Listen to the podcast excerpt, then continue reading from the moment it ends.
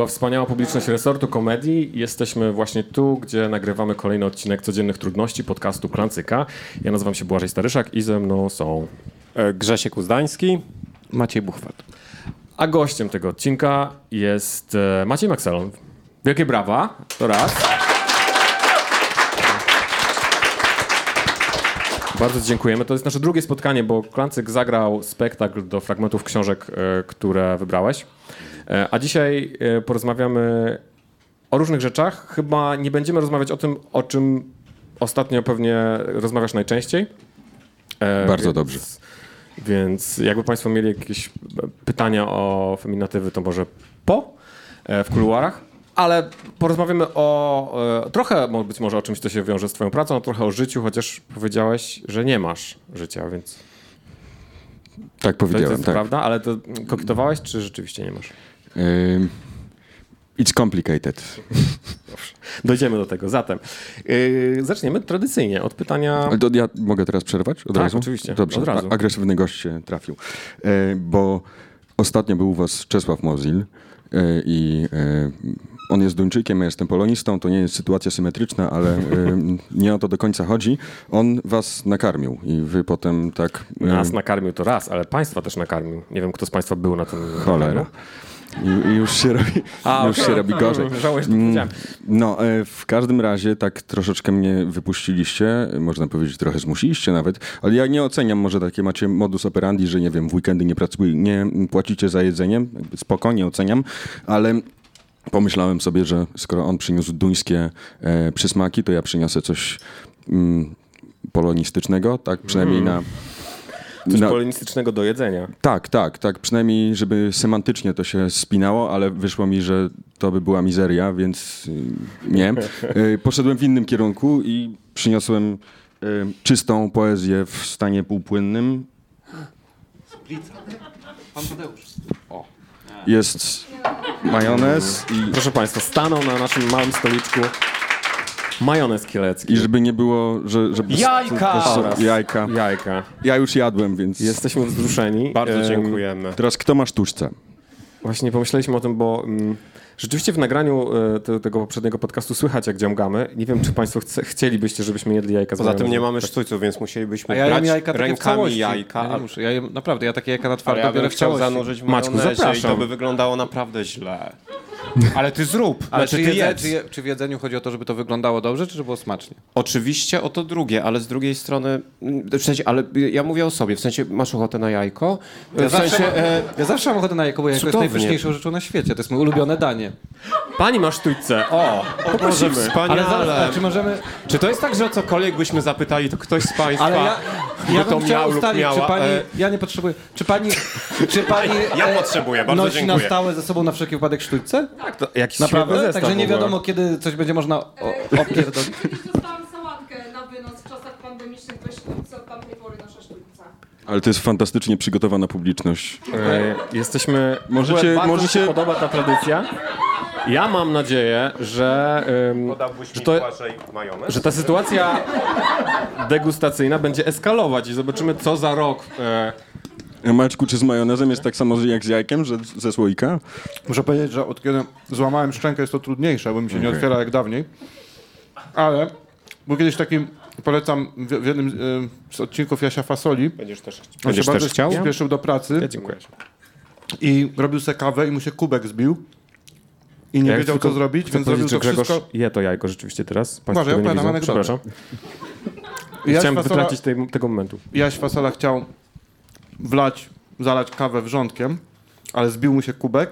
Bardzo się spieszył do pracy, więc zrobił to, co by zrobił w kubku w buzi swojej. Czyli wsypał sobie kawę, zalał wrzątkiem, po czym zaczął robić kawę ruchami. Więc myślę, że można by podobnie zrobić z jajkiem majonezem.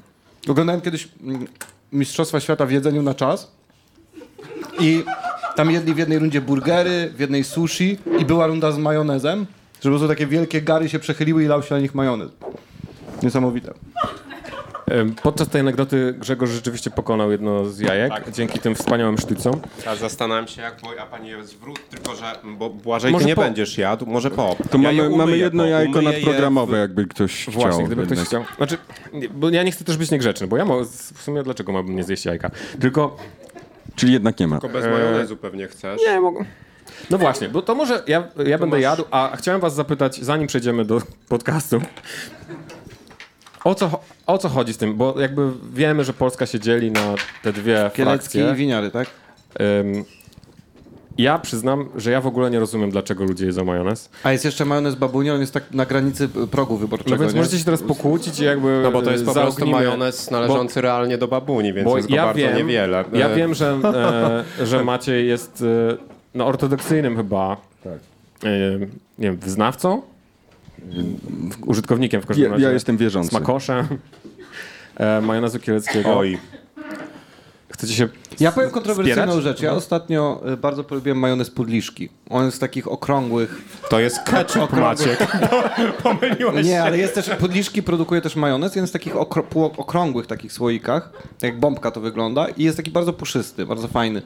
E, natomiast no winiary, jakby myślę, że to samo się wypisało z tej, z tej walki majonezowej przez swoje konszachty z reżimem rosyjskim, więc w tym momencie jakby nie wypada po prostu. A w ogóle ja chciałem, to winiary. ja nawet to nie wiedziałem, nie wiedziałem że winiary ma, ma konszachty, natomiast ja faktycznie e, zawsze dużo bardziej, mi, przykro mi to mówić, bo absolutnie nie chcę tu się kłócić, mi po prostu, mnie po prostu bardziej smakował zawsze majonez winiary niż kielecki, to pewnie wynika z przyzwyczajenia, natomiast niezwykle szanuję majonez kielecki, bo z tego co wiem, chyba Trudno że się, się mylę, wybić. to bardzo trudno, Leroy, Leroy i majonez kielecki, tylko te dwie rzeczy, znaczy Leroy nie jest rzeczą, jest posłem. E, natomiast, e, natomiast chodzi o to, że, że to jest chyba jakoś tak fajnie spółdzielczo rozwiązane ta firma. I dobrych jajek używają, ale poza wszystkim no, miło mi, że szanujesz e, e, Kielecki, a nie mogę tego samego powiedzieć o dekoracyjnym, ani o tym wyborze, ponieważ jest to wycieranie semantyką podłogi jednak. To znaczy sami doku- m, producenci zaznaczają, że to jest majonez, który nadaje się tylko do dekoracji. A nie tak? do spożywania. Jego się nie spożywa. Tak.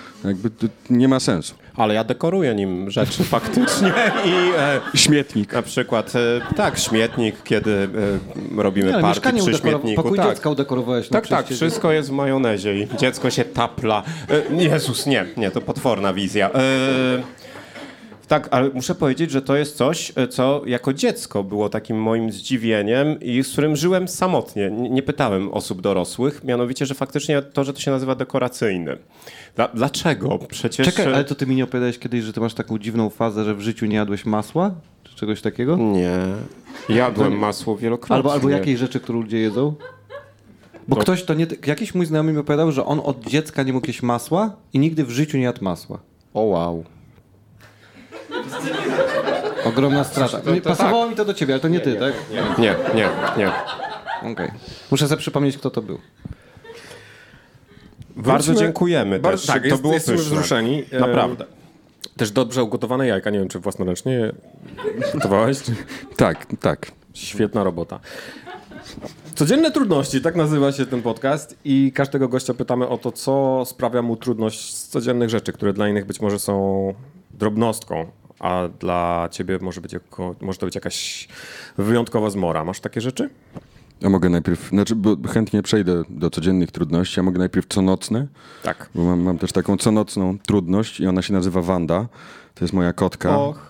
Tak, która e, jest kotką, która wymaga bardzo dużo e, czułości. Bardzo lubi być miziana, ale równocześnie. O Jezu, teraz jak to powiedzieć, że to źle nie zabrzmiało. Wanda w trakcie czułości się rozszczelnia bardzo mocno. No to jest y, kot z problemami hydraulicznymi i em, jej zbierają się tak w kącikach Chciałem zapytać, którędy, ale w kącikach pyszczka y, krople śliny. I, tak, I to nie jest jedna, dwie krople, tylko ona po prostu zaczyna przeciekać na grubo.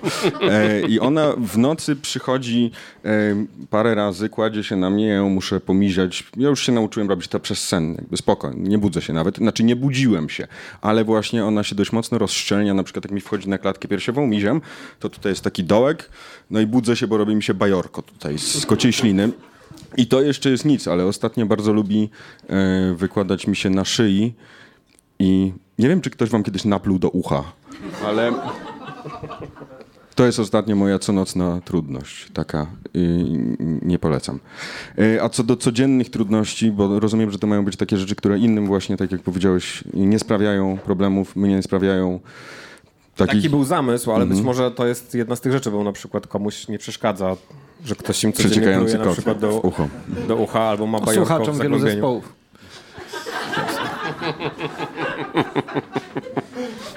E, Ja mam wiele takich rzeczy. Teraz zaczyna się moja codzienna trudność z temperaturą. Powyżej 20 e, stopni, powiedzmy, to już zaczyna być dla mnie problematycznie. E, Mam duży problem z pracą, taki, że na przykład mam, mam, mam coś napisać, prosty temat, nie wiem, regionalizmy, wchodzę w to i bardzo mnie rozpraszają ciekawe rzeczy, na które trafiam w trakcie researchu i research, który, bo mam taką zasadę, że jeżeli coś mi się wydaje, no to muszę, muszę oczywiście sprawdzić, czy wydaje mi się dobrze. I ten research potwierdzający, który miałby zająć godzinę, e, potem zajmuje e, pięć. Ja się dowiaduję mnóstwa nowych, fajnych rzeczy. y, Nie piszę tego tekstu, który miałem napisać. I dopisuję cztery nowe teksty do napisania z tych rzeczy ładnych, które wyłapałem. I kończy się to tak, że mam taki notes, chyba już czwarty, z tymi rzeczami do napisania. Y, A gorzej jest z samym kończeniem na przykład. To jest taka codzienna trudność. Kolejna. Jak z nią walczysz? Jest to w sensie klimatyzator, wa- mm, czy wiem, przeprowadzka na północ Europy, jakby... Yy, A, bo z A, bo ty temperaturą. wróciłeś do temperatury. Ja temperatury. Ja się zrozumiałem Dlaczego trochę. klimatyzator ma pomagać Bo ja w tym, zrozumiałem, że...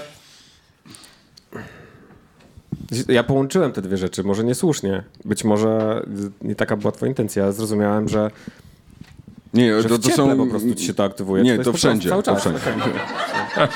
W sensie, że robi się gorąco, jak za długo research trwa. Ojej.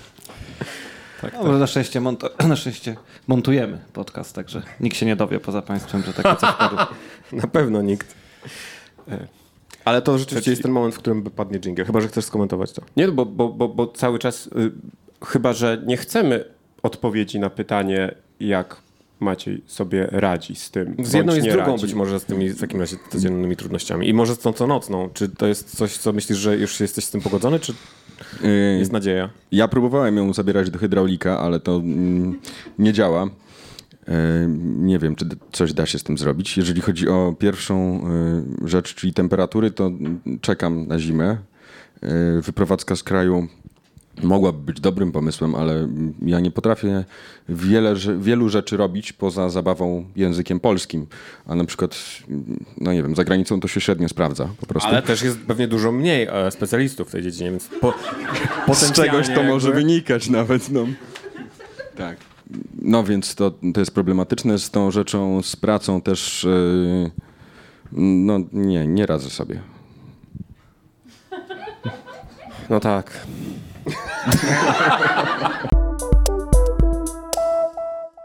Myślę, że to jest najlepszy moment, żeby przejść do twojego segmentu i żebyście poroz... Grzegorz, Jezus Maria. Grzegorz, musimy powiedzieć, Grzegorz przerzucił sobie mikrofon z lewej dłoni do prawej, dokładnie jak Bohun yy, w Ogniu i Mieczem. Była Tak. taka scena, że on z jednej ręki szable do drugiej i, i miał cios. Chwilę po tym, jak złapał prawą, to zadawał Tak. taki I raz, cios. raz, raz to zadziałało, a za drugim razem już na Wołodyjowskiego nie, ponieważ Nie Wołodyjowski... docenił małego rycerza. Tak, tak. jesteście obaj, z tego co o was wiem, kociarzami w pewnym sensie. Albo przynajmniej tolerujecie koty, albo się dużo bardziej jak niż ja. Toleruję z Jakbyś niewyraźnie obrzydzeniem powiedział, to by zabrzmiało, żebyście byli kodziarzami obaj. To było Jesteśmy niezręczne.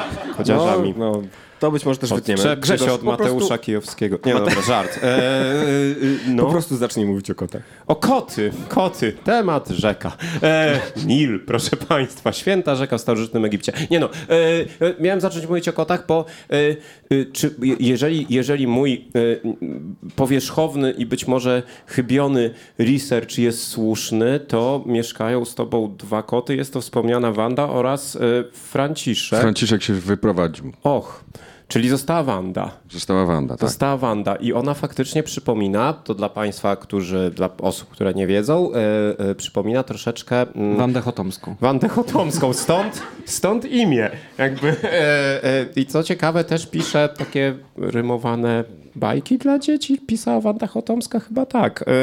No, w każdym razie, po tej zabawnej dygresji, ona przypomina troch, trochę kota, z, znaczy smoka, z jak wytresować smoka. E, My też mamy taką kotkę z moją żoną, która się nazywa Nori i też przypomina troszeczkę smoka, z jak wytresować smoka. Ciekawe podobieństwo, prawda? Dziękuję, to był mój segment. Nie no, e, e, otóż e, e, chciałem może spytać. Pytanie będzie no dosyć idiotyczne, ale w zasadzie nie wymyśliłem żadnego innego, bo, bo miały być ciekawostki o kotach, nawet ja mogę powiedzieć, no znalazłem jedną, że kot był burmistrzem miasteczka na Alasce przez 10 lat. Ale to nie wiem, co bym z tego mógł wyciągnąć, więc mam pytanie, jak byś miał zarekomendować koty osobom, które jakoś tak stereotypizują koty, nie znając ich i uważają, że nie są fajne, gdybyś oczywiście miał ochotę to robić. Bo może nie. E, to oraz, wtedy jakbyś... oraz czy te stereotypy są naprawdę mm, Są. błędne. Są znaczy, czy się błędne, nie- Błażej. E, Jakby w sensie te wszystkie... ta- Dobra, nie, bo ja, to ja, ja zacznę odpowiadać. Nie, gdybyś miał powiedzieć, dlaczego lubisz koty? Ha! Takie jest pytanie. Normalnie powiedziałbym, że to są bardzo mądre zwierzęta, ale akurat Wanda niezbyt, więc... Więc skąd przekonanie, że one są mądre? Bo y, miałem styczność z wieloma innymi kotami. Nie mówię tutaj, że miałem, bo status posiadania kota zwykle jest taki niejasny, nie wiadomo kto tutaj kogo ma. Mieszkamy razem i z wieloma kotami mieszkałem. Byliśmy współlokatorami. I to są bardzo dobrzy współlokatorzy, współlokatorki. Trzeba po nich sprzątać, karmić, y, ale za to właśnie w nocy przychodzą cię obślinić. I ja myślę, że to jest całkiem uczciwa wymiana. E, po- Powiem tak, że miałem w życiu y, wiele gorszych współlokatorów niż koty. O, naprawdę. Jak, jak się myśli o współlokatorach, współlokatorkach, to koty są tak w, w top 3. Pierwsze są rybki. Ale to nie razem z kotami. Wtedy to chyba nie idzie, nie idzie w parze. A ja mogę dodać do twojego segmentu pytanie? Oczywiście. Eee, chciałbym cię zapytać, ulubiony kot z popkultury, bo trochę ich jest. Filemon, Aryskotraci, Garfield. Wy- wymyśliłeś sam? Nie, to jest, Disney, to jest film Disneya. A, a to świetny Prawda. Błażej? Animacja. Tak jest. O takich kotach arystokracji kociej. No, o kotce z trzema e, kociaka, kociakami i mezaliansie, który ona popełnia z kotem dachowcem, który nazywa się Tomasz Omalej. O, i oczywiście jeszcze A on się nazywa Topcat. Duszessa. Topcat, czyli kot tip top, mój ulubiony. E, pamiętacie? Hanny Barbery? It's a cat, Topcat. To masz ulubionego kota z popkultury? Y, Ja lubię szeregowego kota w butę, na przykład lubię. To jest mały rycerz. Kot mały rycerz. Teraz Tak. mamy klamrę. Ma szpadę. I przypomina drugiego naszego kotka, Lucy. A raczej ona przypomina jego. Chodzi w butach i nie w tych aspektach, właśnie nie. E, właśnie w tym, że jest bardzo słodka, bo on ma takie elementy słodko, słodko bycia słodkim, rudym kotem. Mamy też trzecią kotkę, Łatkę. Chciałem ją po prostu też wspomnieć, bo, bo Mogłoby jej być przykro, jak jest, jest cudowna i, i jest najbardziej przyjazna do ludzi ze wszystkich, całej trójki. Ale, ale jakby nie ma charakterystycznej cechy. Przynajmniej taka się łatka do niej przyczepiła. No cóż, e, teraz mam też pytanie. Bo wszyscy wiemy, że twoja kotka Wanda nie chciała Niemca. Dlaczego? e, też chciałem tu taki się żart. dzieje? E, no więc, e, e, no nie, tak, Dobrze, to to ja, bardzo nie, to ja, mam pytanie do reklama. was, ja mam pytanie do was obu. Ja nie jestem osobą, która szczególnie... znaczy- M- może nie, mo, może to, to nie jest nieprawda w sumie, bo ja lubię koty, ale jednak jestem właścicielem psa i jakbym musiał wybierać, to pewnie bym wybrał... Teraz, szczegół, teraz to bym w ogóle wybrał życie bez Psy są ale- fajne, psy są, to są takie trochę gorsze koty, no ale są w porządku. To są, to są takie Nie, koty dla ludzi, którzy by sobie nie poradzili z kotami. nie obraził. e, Znaczy z moim, ja sobie nie radzę z moim psem rzeczywiście i pewnie bym sobie nie poradził z kotem, ale To są też takie psy, które dla ludzi, którzy nie radzą sobie z psami, to chomiki się nazywa. tak i podoba mi się w chomikach to, że ym, jesteś skomitowany na krócej. Tak, mam jeszcze jakieś kilkanaście lat z tym moim durnym psem i Ja w ogóle gdzieś czytałem taką rzecz, że chomiki ogólnie y, zostały wymyślane, wymyślone- wymyślone po to, żeby y, dzieci oswajać z konceptem śmierci. Właśnie. Też o tym Tak. słyszałem bądź czytałem, tak. No bo to faktycznie... Znowu dużo wniosłem do Chcemy- rozmowy, ale... Niestety, niestety znam historię, która w bardzo mroczny sposób to potwierdza, bo, bo mam znajomego, którego ojciec, którym, którego ojciec zabił jego chomika y, złośliwie. Boże, na, to- na złość dziecku. A Więc to jest faktycznie akurat- dosyć mocno oswoił To jest, przeraż... to jest przerażająca historia. To jest tak. koncepcję morderstwa przy okazji. e, Tak, i koncepcję złego niż- ojcostwa tak bardzo jasno przedstawił też. Dobrze, ale mm, czy lepiej mieć kota niż nie mieć? Już nie, nie, nie mówię o, o, o wyborze kota versus inne zwierzę, ale co, czego, by wam, czego by wam brakowało, gdybyście teraz żyli bez kotów i Grzegorz, ty mógłbyś spokojnie przechodzić z pokoju do pokoju, bo No to że prawda, to nie jest tak, tak, aktualnie tak. możliwe w twojej sytuacji. Tak, u nas cały czas od roku trwa socjalizacja z izolacją. Z jednej strony jest Lucy i Nori, a z drugiej e, Łatka i e, no to trwa bardzo długo. Robimy wszystko by the book i no to jest trudne. Pewnie powinienem nadać temu teraz jakiś Na walor pewno narodziny komiczny. waszego dziecka ułatwią sprawę. Ułatwią. E, urodzi się w czerwcu, więc e, e, jeszcze e, no, były różne takie sugestie z rodzin, żeby na przykład wprowadzić psa, żeby połączył je wspólny wlóg, ale, ale to e, były też takie sugestie na przykład, bo czasami jak ktoś nie zna kotów, to są różne takie zabawne sugestie typu, a może po prostu jedno weźmie jednego kota na kolana, drugie drugiego i sobie tak posiedzicie razem.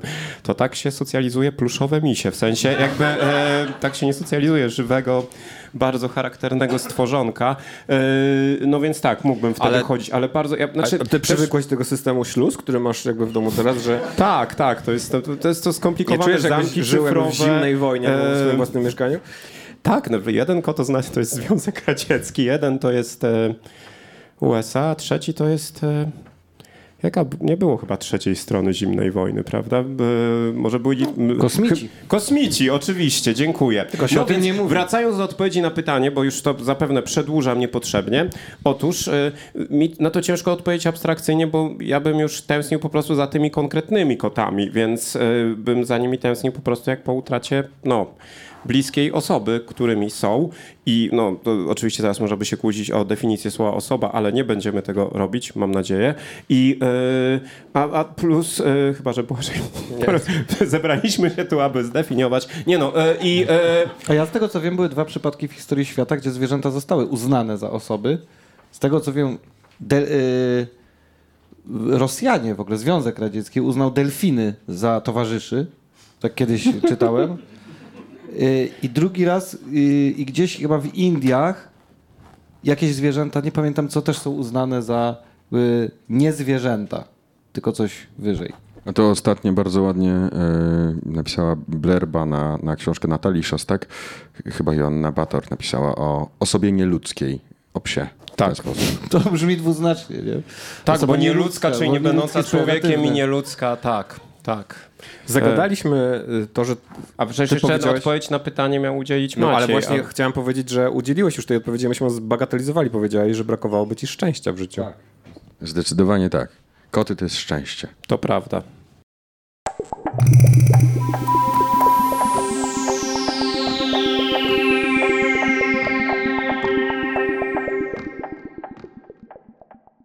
Teraz chciałbym skorzystać z, z takiej sytuacji, że mamy tutaj e, twórców. Wszyscy jesteście twórcami, ale ty pracujesz jako redaktor. Masz do czynienia z literaturą. Ty jesteś pisarzem i miałeś do czynienia z redaktorami.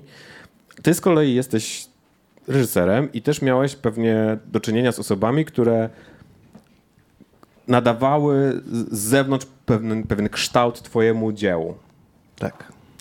I chciałem zapytać o to napięcie, które się rodzi pomiędzy. Wszyscy Pomiędzy poprawiają się na fotelach.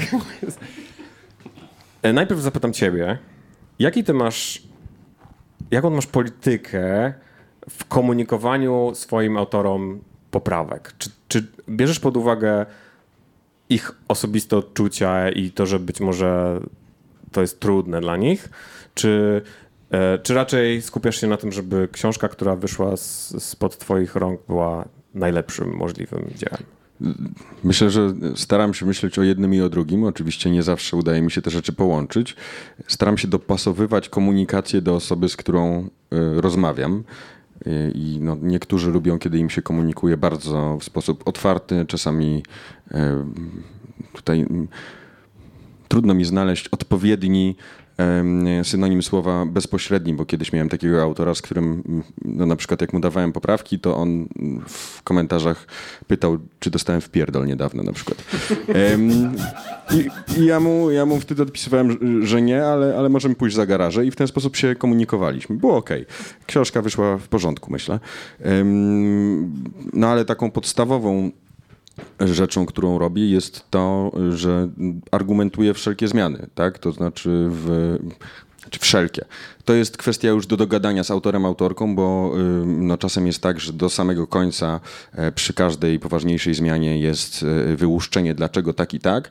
E, No a czasami jest tak, że y, na samym początku właściwie każda ze zmian jest w sposób bardzo dokładny uargumentowana, żeby pokazać, że to nie są zmiany uznaniowe, prawda? Że tutaj to przestawiam nie dlatego, że albo zamieniam to słowo na inne, nie dlatego, że tak mi się bardziej podoba, tylko że dzięki zagęszczeniu głosek szeleszczących e, osoba czytająca będzie mogła nie tylko przeczytać o tym, że ktoś szurał tymi nogami, ale będzie równocześnie miała to z tyłu głowy, prawda? Bo fonetyka zrobi swoje. E, No i myślę, że to jest taka jedna z podstawowych rzeczy. A to jest jakaś sytuacja negocjacyjna?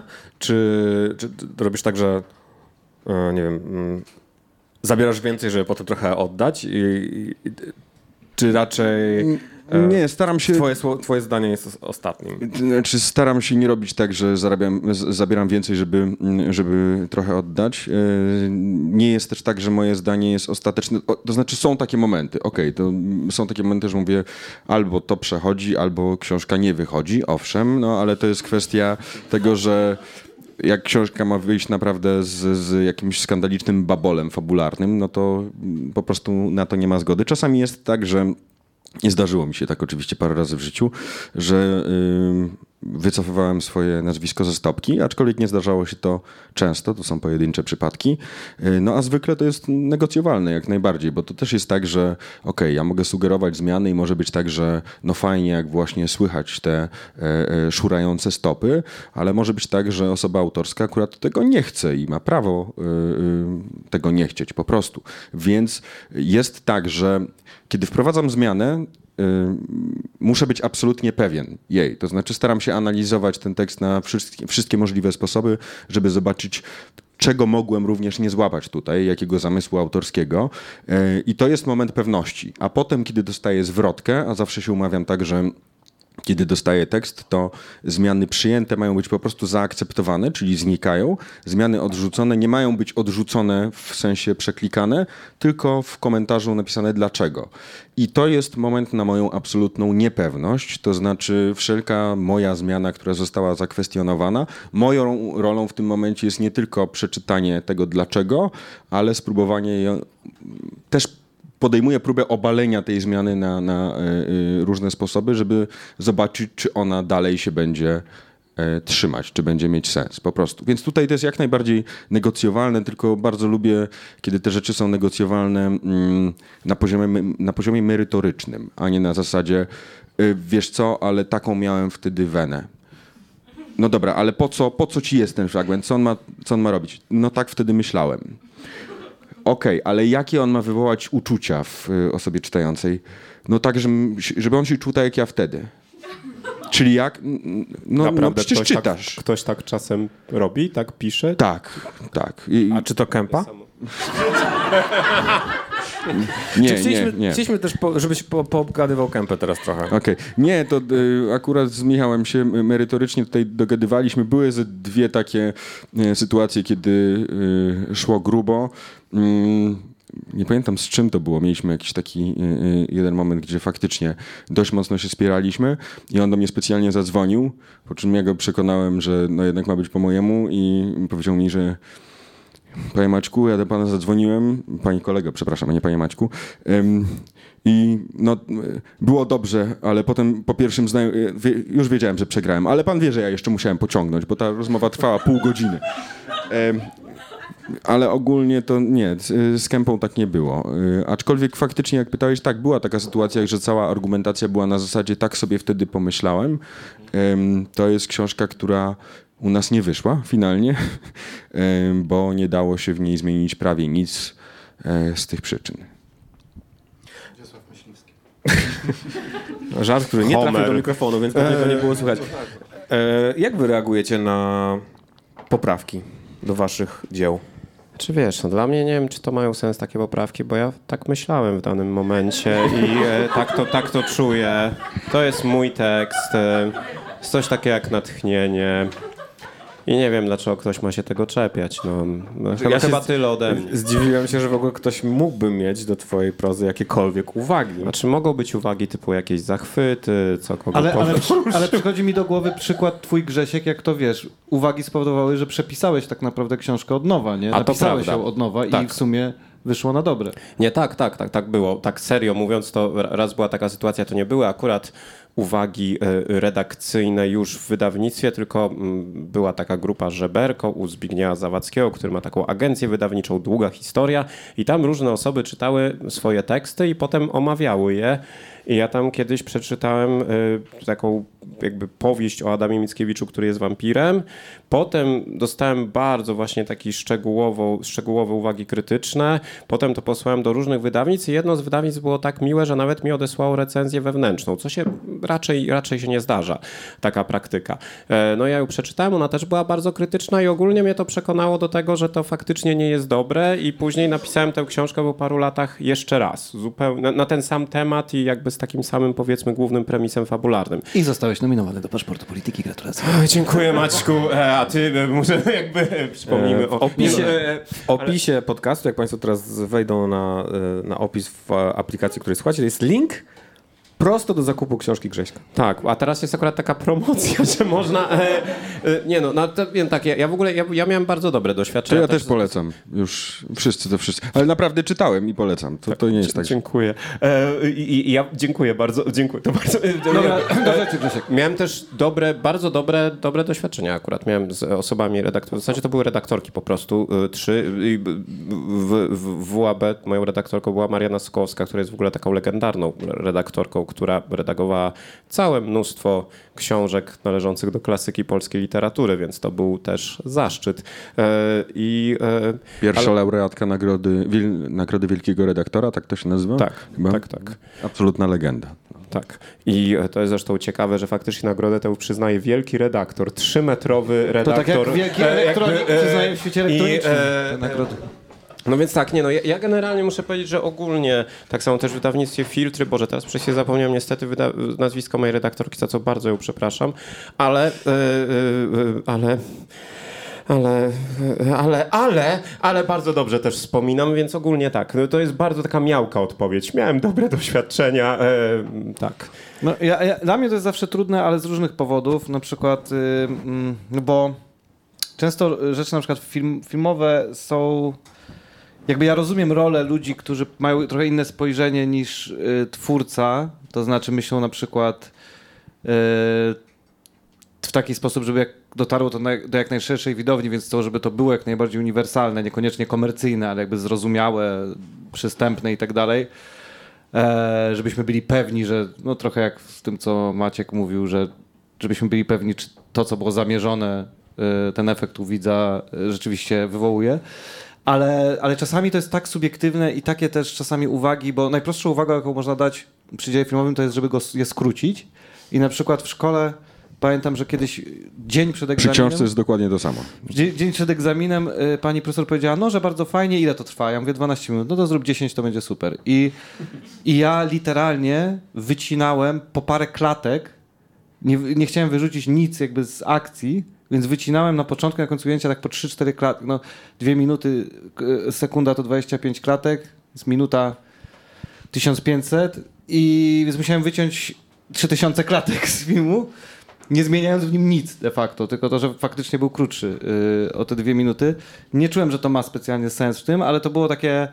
Ja czułem, że to jest taka trochę, wiecie, ym, uwaga yy, generyczna, no taka uwaga po prostu, bo tak musi być, Ale bo... co ciekawe, Maćko, otrzymałeś za to nagrodę Fundacji Otwarte Klatki, bo pozbyłeś się wielu klatek. E, Natomiast, natomiast y, wydaje mi się, że właśnie, że ja nie, ja nie mam, nie mam, nie mam problemu z, z tym, że właśnie ktoś na to patrzy inaczej, mówi na przykład, ok, rozumiem na przykład ten żart, ale on jest bardzo, bardzo subtelny, bardzo jakiś taki hermetyczny i zrozumie go, go, zrozumiesz go ty i Grzesiek Uzdański, a nikt z widzów tego, nie- więc nie warto jakby o to walczyć. Problem zaczyna się w tym, kiedy na przykład y, ja jestem pewien, że coś musi trwać na przykład długo, bo działa tym, że, że ten czas też pracuje na jakieś odczucie w widzu, a ktoś patrzący inaczej mówi, to się da trzy razy krócej zrobić. I ja się z tym nie zgadzam nie dlatego ze względów jakichś ego czy, czy niemożliwości współpracy, tylko po prostu nie, nie zgadzam się z tym. Uważam, że to zepsuje na przykład taki dany fragment. I wtedy jest trudno, ale a niestety myślę, że nie wiem jak to jest z pisarzami i redaktorami, ale myślę, że reżyser kontra producent, czy nadawca, czy klient to jest jeszcze ma mniej do powiedzenia niż taki pisarz. Więc gdzieś tam musisz... Yy, mm, to zrobić i takie negocjacje ja często robię. Ja często gdzieś zabieram, żeby gdzieś zostawić. To znaczy, że rzeczy, na których mi jakoś tak bardzo nie zależy, poświęcam po to, żeby to, na czym mi zależy, nie zostało mi zabrane. To tak, tak. działam.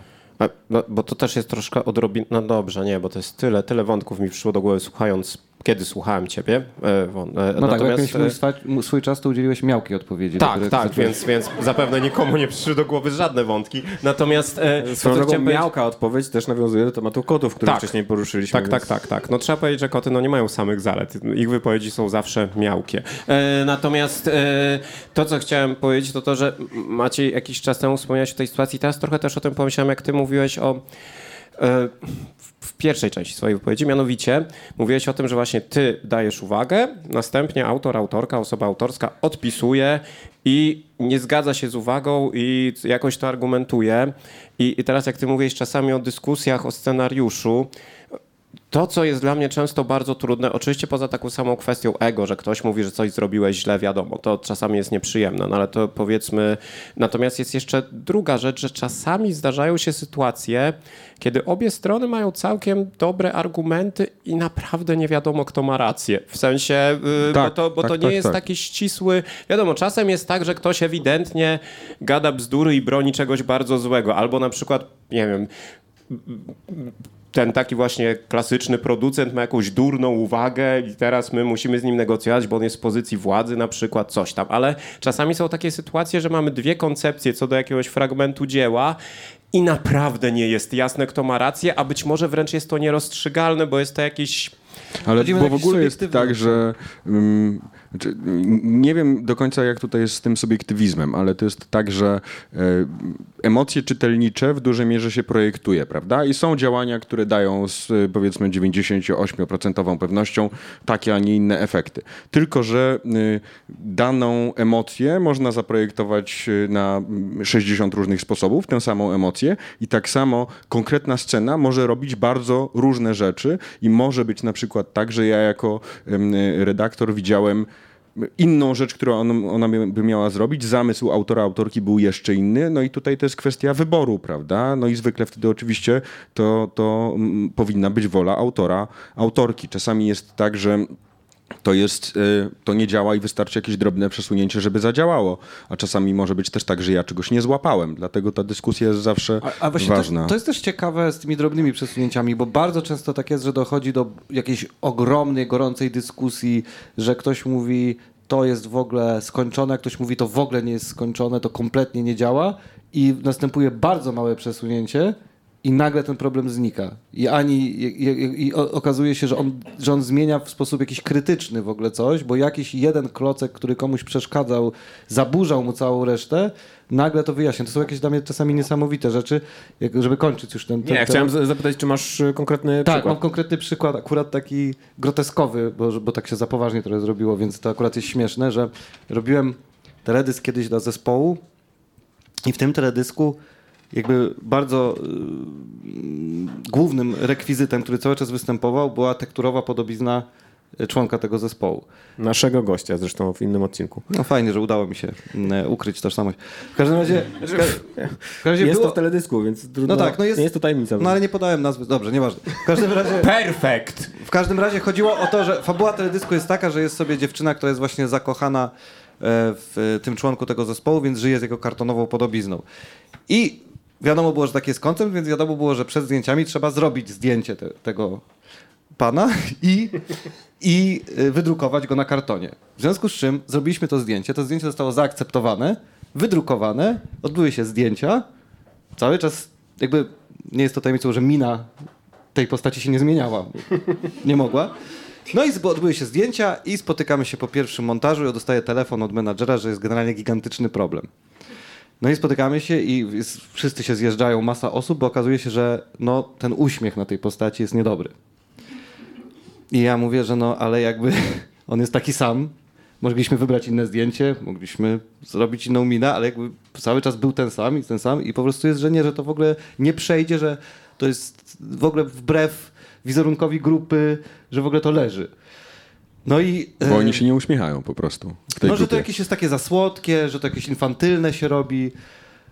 Ja mam tak, że no, trochę nie wiem, co z tym zrobić, bo, bo właśnie to, to jest decyzja, którą trzeba podjąć wcześniej. No i w ogóle, i zresztą też nie zgadzałem się z tym. Wydawało mi się, że to w ogóle jest jakieś, jakieś takie lęki w ogóle z kosmosu, że ktoś będzie oglądał i tak, o, stop, wyłączam, to, to jest w ogóle nie oni.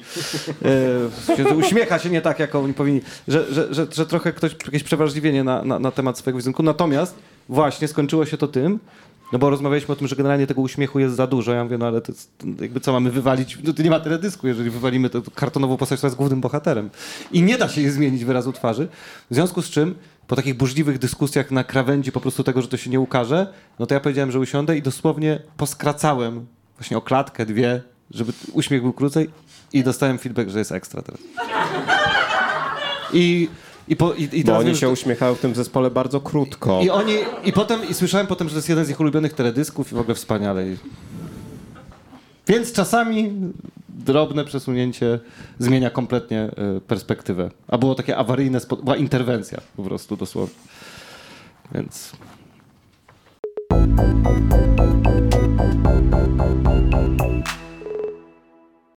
Chciałem cię zapytać o sytuację, w której idziesz na pierwsze zajęcia ze studentami na swojej dawnej uczelni. Jakie to jest uczucie? Czy idziesz wtedy z pewnością e, siebie, czy z tremą? E, I to będzie wprowadzenie do wątku o dziwnych nauczycielach akademickich za chwilę. Wiesz co, to, to było bardzo dziwne e, uczucie. Dalej często je mam. Ja w ogóle mam syndrom oszusta i to jest tak, że jeszcze pierwsze zajęcia na uczelni, na uczelni, na której sam się e, uczyłem i pamiętam, że byłem e, w, Wspominam ten czas jako taki intelektualny top. Nie? Często jest tak, że na studiach się czujemy w intelektualnym topie, jesteśmy stymulowani i w ogóle, więc sobie pomyślałem, że mm, jako Przeciwnie, zupełnie, dokładnie odwrotną sytuację. Okej, no to Pozdrawiam. i, i, i, Pozdrawiam wszystkich nauczycieli, e, którzy wykładali. E, dobrze, nieważne. Muszę nie powiedzieć. W każdym razie myślałem sobie, że jako osoba, która ten, ten e, top ma już za sobą, będę bardzo łatwy do rozbrojenia przez e, osoby studenckie, e, więc szedłem mm, z duszą na ramieniu, tak, na te zajęcia. tak swoją drogą, to ja chyba nie poznałem twórcy, albo przynajmniej dobrego twórcy, który by nie miał syndromu oszusta. Wydaje mi się, że to jest e, niezbędne. Ni niestety, bo to przykre, ale że jakoś jak ludzie tego nie mają, to robią złe rzeczy. Po prostu jakieś takie nie- niewartościowe. Mówią, wszystko co robię jest świetne. I nie jest. Ale jakoś poszło. Jakoś to ich trzeba zapytać. Ale nie dokuczali ci na przykład. A mniej niż zwykle. W podstawówce dokurzali bardziej, wiesz. Twoi uczniowie w podstawówce? E, Nie, nie, chyba nie, chyba nie, doczu- nie dokuczali. E, Z, was, z waszych własnych doświadczeń studenckich, to właściwie Maćku mogę oddać ci głos, bo to ty miałeś przygotować ten, tę część. Najwięcej studiowałeś, najdłużej studiowałeś. Najdłużej, 12 tak, lat, tak, to nie Jak była jako medycyna. jedyny skończył studia w Ale ty żartujesz, czy wiedziałeś o tym? To był żart. To, to w zamyśle to był żart. Bo ja tak, naprawdę no. studiowałem 13 lat. E, I to naprawdę nie była medycyna. nie, byłem na, czterech, byłem na czterech różnych kierunkach studiów, byłem na czterech różnych uczelniach. Nienawi- Żaden z nich to nie była medycyna. Nie, nienawidzę, nienawidzę studiowania. Weterynaria chociaż. Więc nie wiem, nie wiem, jak nienawidzę szkół, nienawidzę studiowania, więc nie wiem, dla- dlaczego tak się stało, ale faktycznie 13 lat byłem na studiach różnych. Yy, więc w związku z tym poznałem też bardzo wielu wykładowców, bardzo wielu dziwnych wykładowców i w ramach segmentu o dziwnych wykładowcach tak sobie pomyślałem o trójce takiej, żeby takie spektrum przedstawić, bo też żeby nie trwało to godzinę, bo, bo mogę, mogę tylko parę e, honorable mentions zrobić, na przykład o, o takim profesorze od teatru antycznego, który mówił bardzo spokojnie i nagle cytował chór grecki i zaczynał śpiewać, więc mówił na przykład, no tak jak, tak jak tam w chórze było. To było, to było wspaniałe, profesor Szymański. E, Ale, ale to trójk, on jest, jakby nie załapał się na, na podium jednak w dziwności. Ponieważ te, y, je- je- jeden, je- jedna wykładowczyni, którą, którą wspomniałem, to akurat jest taka fajna dziwność, tylko która była jedną z tych dziwności, która uniemożliwiała, uniemożliwiała za bardzo merytorykę. Zresztą była pani Ines, która na Akademii Teatralnej uczyła rosyjskiego i generalnie te zajęcia polegały na tym, że ona paliła takie bardzo cienkie papierosy, miała taką swoją zamykaną popielniczkę jakąś stuletnią i opowiadała o tym, nie, sprawdzi, nie, jakby nie było to zweryfikowane, ale o tym, że ona była muzą Brodskiego i, była jego, i o tym, jakim Brodzki był wspaniałym poetą i kochankiem. I na tym polegały zajęcia. Jakby po prostu ona mówi kuteczku, mówię zawsze kuteczku. Jak wyglądał egzamin? Wiesz co, chyba trzeba po prostu ze trzy zdania powiedzieć i tyle. Ale ja naprawdę, ja, ja miałem, wspaniałym. ja miałem w liceum rosyjski i na tych studiach się nie nauczyłem nic nowego. Chyba ani jednego słowa się nie nauczyłem, ale nauczyłem się dużo o Brodskim i o tym, jaki to on był ciekawy. I jak, jak ona, i tak, jak jej się oczy szkliły, jak opowiadała o tym, jak to Brocki dla niej wiersze pisał. No, Zdaje, że to była jedna dziwna wykładowczyni, ale wspominam z dużym sentymentem. Poza tym można było jarać szlugi na tych zajęciach, więc to było spoko. E, Z nią. E, Druga, druga osoba to był taki pan, ja się nie pamiętam jak on się nazywał, on był od jakichś systemów medialnych z kolei na uniwersytecie, na dziennikarstwie. I on, dlatego go wybrałem, bo on miał bardzo osobliwy system, on nie sprawdzał obecności, tylko na losowych zajęciach w ciągu roku, tak kilka razy, tak nie wiem, z 10 powiedzmy w ciągu roku, robił zdjęcie całej sali i na koniec roku wybierał losowo dwa z tych zdjęć i jeżeli znalazłeś się na chociaż jednym, to zdawałeś. Więc... Więc to był super system, bo gdyby wiecie, gdyby on robił tylko dwa zdjęcia, to wiedziałeś, że jak zrobił, to już możesz nie chodzić, ale nie wiadomo było, które dwa z tych dziesięciu będą. Więc ja na przykład jako osoba wysoce niechodząca na zajęcia na Uniwersytecie Warszawskim, no przyznam, że z duszą na ramieniu tam, tam szedłem na ten, na ten egzamin. Eee, ale, akurat, ale akurat też miałem, ja miałem na tym uniwersytecie jakiegoś farta, że przypadkowo, udawało mi się przypadkowo zdawać egzaminy.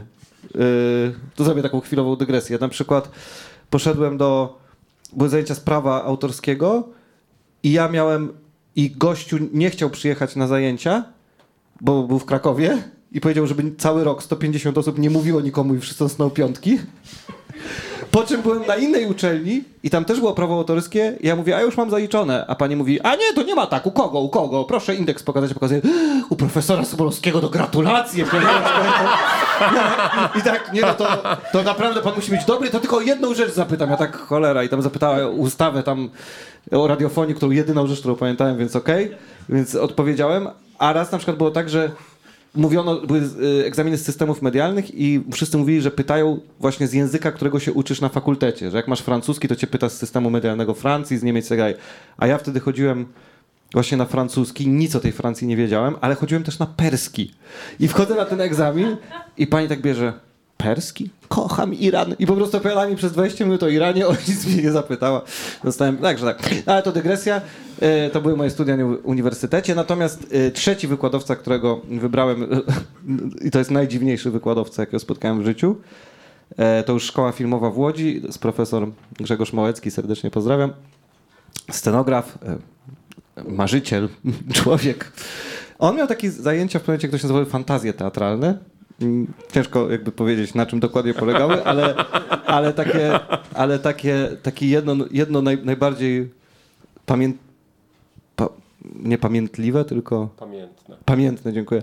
Najbardziej pamiętne zajęcia polegały na tym, że on przyprowadził na zajęcia człowieka, którego spotkał w pociągu jadąc do szkoły i namówił go, żeby przyszedł na zajęcia i po prostu postawił go na środku sali i kazał mu opowiadać historię swojego życia. Ten człowiek był klaunem, im bardzo smutnym klaunem, któremu nie wychodzi w byciu klaunem, jakimś byłym akrobatą cyrkowym, który ze łzami w oczach opowiada, jak mu to nie wyszło w byciu. I ten nasz profesor siedział i mówił, hmm, jaka historia, jaki ciekawy człowiek. Więc y, bardzo to było ciekawe doświadczenie. Czy ty masz jakieś, e, jakieś takie wspomnienia? E, Nie będę mówił o gorszych profesorach, profesorkach, bo pracuję na tej uczelni, więc, więc nie. E, Mam zupełnie przeciwne doświadczenia ze zdawaniem egzaminów, to znaczy zdarzało mi się nie zdać w sposób przypadkowy egzaminu, E, ale mm, tutaj ponownie musiałbym krytykować jednego bardzo uznanego profesora, więc tego nie zrobię. E, Dużo mówię o nieudzielaniu odpowiedzi. Mam nadzieję, że Państwu się to podoba. E, Mogę się podzielić inną historią z zupełnie innej beczki, to znaczy kiedyś zdarzyło mi się tak na przypale zupełnie przypadkiem zdać w ten sposób yy, sprawdzian z geografii, jeszcze w liceum. Przyszedłem, to było liceum, więc y, czwarta lekcja, akurat przyszedłem do szkoły, miałem ogromnego kaca. Y, liceum, wiadomo. Y, No i okazuje się, że jest sprawdzian. Skąd mogłem wiedzieć? Jakbym, jakbym, wiedział, to przyszedłbym na piątą lekcję. Dostaję ten sprawdzian. No i pierwsze pytanie brzmiało, gdzie są trzęsienia ziemi, ale tak najdokładniej.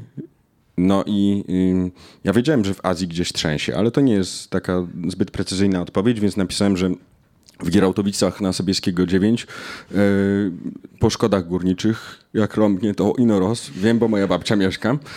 Y, No, a drugie pytanie było, pamiętam, jak się dzielą Karpaty i ono było bardzo proste, no bo sylabicznie przez trzy, prawda?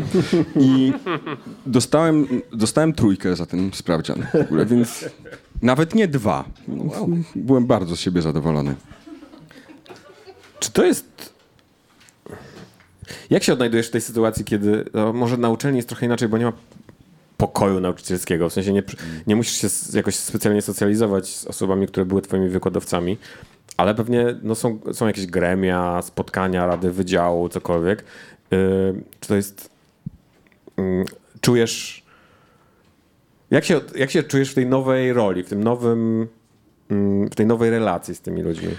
To znaczy ja na tego typu spotkaniach bywam stosunkowo rzadko, dlatego że jestem tak zwanym specjalistą zewnętrznym i ja po prostu mam swoje zajęcia. E, przyjeżdżam i widzę się najczęściej z opiekunem roku po prostu. Ostatnio miałem na przykład taką hospitację. E, no i y, to osobliwe odrobinę było, bo pamiętam jak e, no, zdawało się u niego egzaminy, zdobywały się zaliczenia i tak dalej. E, Aczkolwiek to y, zaskakująco szybko się przestawia. Taka sytuacja, w której to się przestawia, zwykle nazywa się wyjściem na piwo i, i wtedy to się jakoś tak y, normalizuje.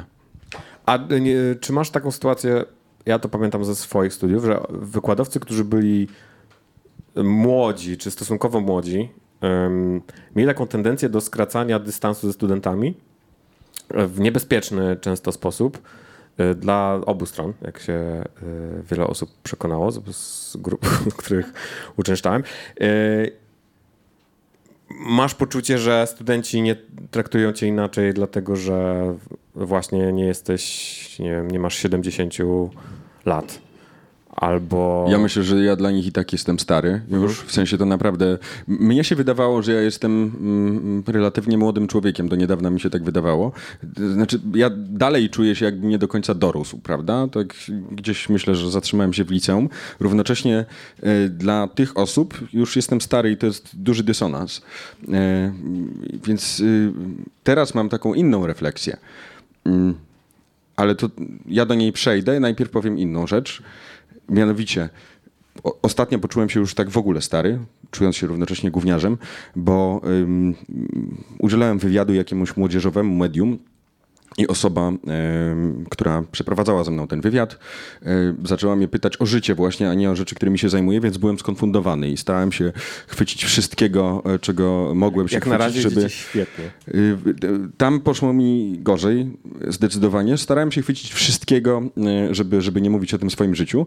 No i ta osoba y, przeprowadzająca wywiad mówi, że jest z Rybnika albo Raciborza. Nie wiem, to dla mnie jest to samo miejsce. Więc ona jest z Rybnika albo Raciborza i ja wtedy mówię, o, moja ciotka była z Rybnika albo Raciborza. E, I no i szukam, szukam. I mówię, Jezu, pamiętam jak pojechaliśmy do ciotki, no i na, na pierwszym piętrze był poziom wody. I straszne, przerażające było, tak jak was wtedy zalało. I wtedy zapadła taka krępująca cisza i ta osoba mówi po tak dwóch minutach, no stary mi opowiadał. I to był pierwszy, pierwszy Pradziadek, moment. Tak, bo, bo to, to osoba urodzona w jakimś roku 2001, a powódź 97, więc nie trafiłem do końca, ale chwilę później ta, ta osoba chciała być bardzo miła i mm, pyta mnie, e, robi taki nabieg przed tym pytaniem. Mówi, że właśnie jesteś nauczycielem akademickim, y, dużo też jeździsz, rozmawiasz z młodzieżą, więc wiesz, jakim językiem się młodzież posługuje i w ogóle. Dlatego e, zastanawiałam się nad celowością nad tym, mm, jak zinterpretować e, używanie tych typowo boomerskich memów przez ciebie. Ja w tym momencie... E, tak zapytałem, chodzi ci o Filozoraptora, tak? Znaczy nie, nie, o wszystkie, wiesz. I, i teraz y, wracam do, do rzeczy, którą zajawiłem, bo miałem przez długi czas zastanawiałem się, czy na przykład przygotowując prezentację na zajęcia, nie robię tego często, bo mamy dużo zajęć praktycznych, gdzie po prostu robimy tekst, ale jak przygotowuję prezentację na zajęcia i wsadzam tam memy, żeby jakieś było masełko, prawda, na tym e, e, konkrecie, to czy jestem tym Steve'em Buscemim z też boomerskiego pewnie mema Hello You Fella Kids? I dostałem wtedy odpowiedź właśnie w trakcie tego wywiadu. I już się tego nie obawiam, już to wiem. A, a jeszcze mi, mi wpadła do głowy, a propos tego, e, co powiedziałeś o tym, że to że tym przejściu na piwo się odbywa, to przejście z... e, Że na przykład e, u mnie z jednym profesorem, który już nie żyje świętej pamięci, Grzegorzem Królikiewiczem, to nastąpiło w taki sposób, bo on mnie nie znosił w szkole, w sensie nie wiem dlaczego do końca, ale po prostu było tak, że na przykład ja coś mówiłem, on mówił zamilcz! Coś tam, jak będziesz tyle mówił, będziesz ministrem kultury. E, na przykład takie rzeczy mówił. Albo jak, albo jak coś próbowałem powiedzieć, to on zamilcz, ja jestem kapitanem tego statku, coś tam i tak. Albo jak na Radzie Wydziału się wypowiadałem, że bo ja, bo ja byłem członkiem Rady Wydziału, tam na reżyserii mówiłem, że ja bym był za zniesieniem ocen, że, no bo uważam, że jakby nie ma sensu oceniać jakby sztuki, że to powinien być bardziej taki feedback od profesorów, żeby nie robić egzaminów takich w postaci pokazywania, no bo tam ludzie robią plakaty, napinają się, że więcej powinno być rzeczy niepokazywanych w ogóle, tylko więcej powinno być procesu i on stał i powiedział, skończyłeś? Bo ja muszę wracać wnuki niańczyć. Więc taką mieliśmy relację, po czym, po czym e, byłem na festiwalu w Gdyni, on tam siedział z e, taką, e, z jedną taką panią e, ze świata filmu, w, przy okazji ciocią mojej żony i my podchodzimy i tam się przedstawiamy i ona mówi, a to chyba twoi studenci. On mówi, pokazuje moją żonę, mówi, ciebie pamiętam, a do mnie, a ciebie nie. Więc jakby, by, więc po szkole było cały czas tak, aż do festiwalu w Koszalinie, na którym pewnego wieczoru on się bardzo upił i wywalił i stracił przytomność i następnego dnia rano idzie i mówi, o mój student, kochany, słuchaj, ale miałem sprawę, poszedłem sobie na morze popatrzeć i o kamyk się potknąłem. I, i to już nagle byłem, byłem kochanym studentem i kolegą, także już kolego, było kolego już. Ale widzicie, więc jakby to pójście na piwo musiało być e, większe, żeby to, ten przełom nastąpił. Ale mm, symptomatyczne jest to, że musiał pójść na to piwo bez ciebie. Tak żeby jest, tak jest, o to chodzi. Coś w nim się musiało zmienić.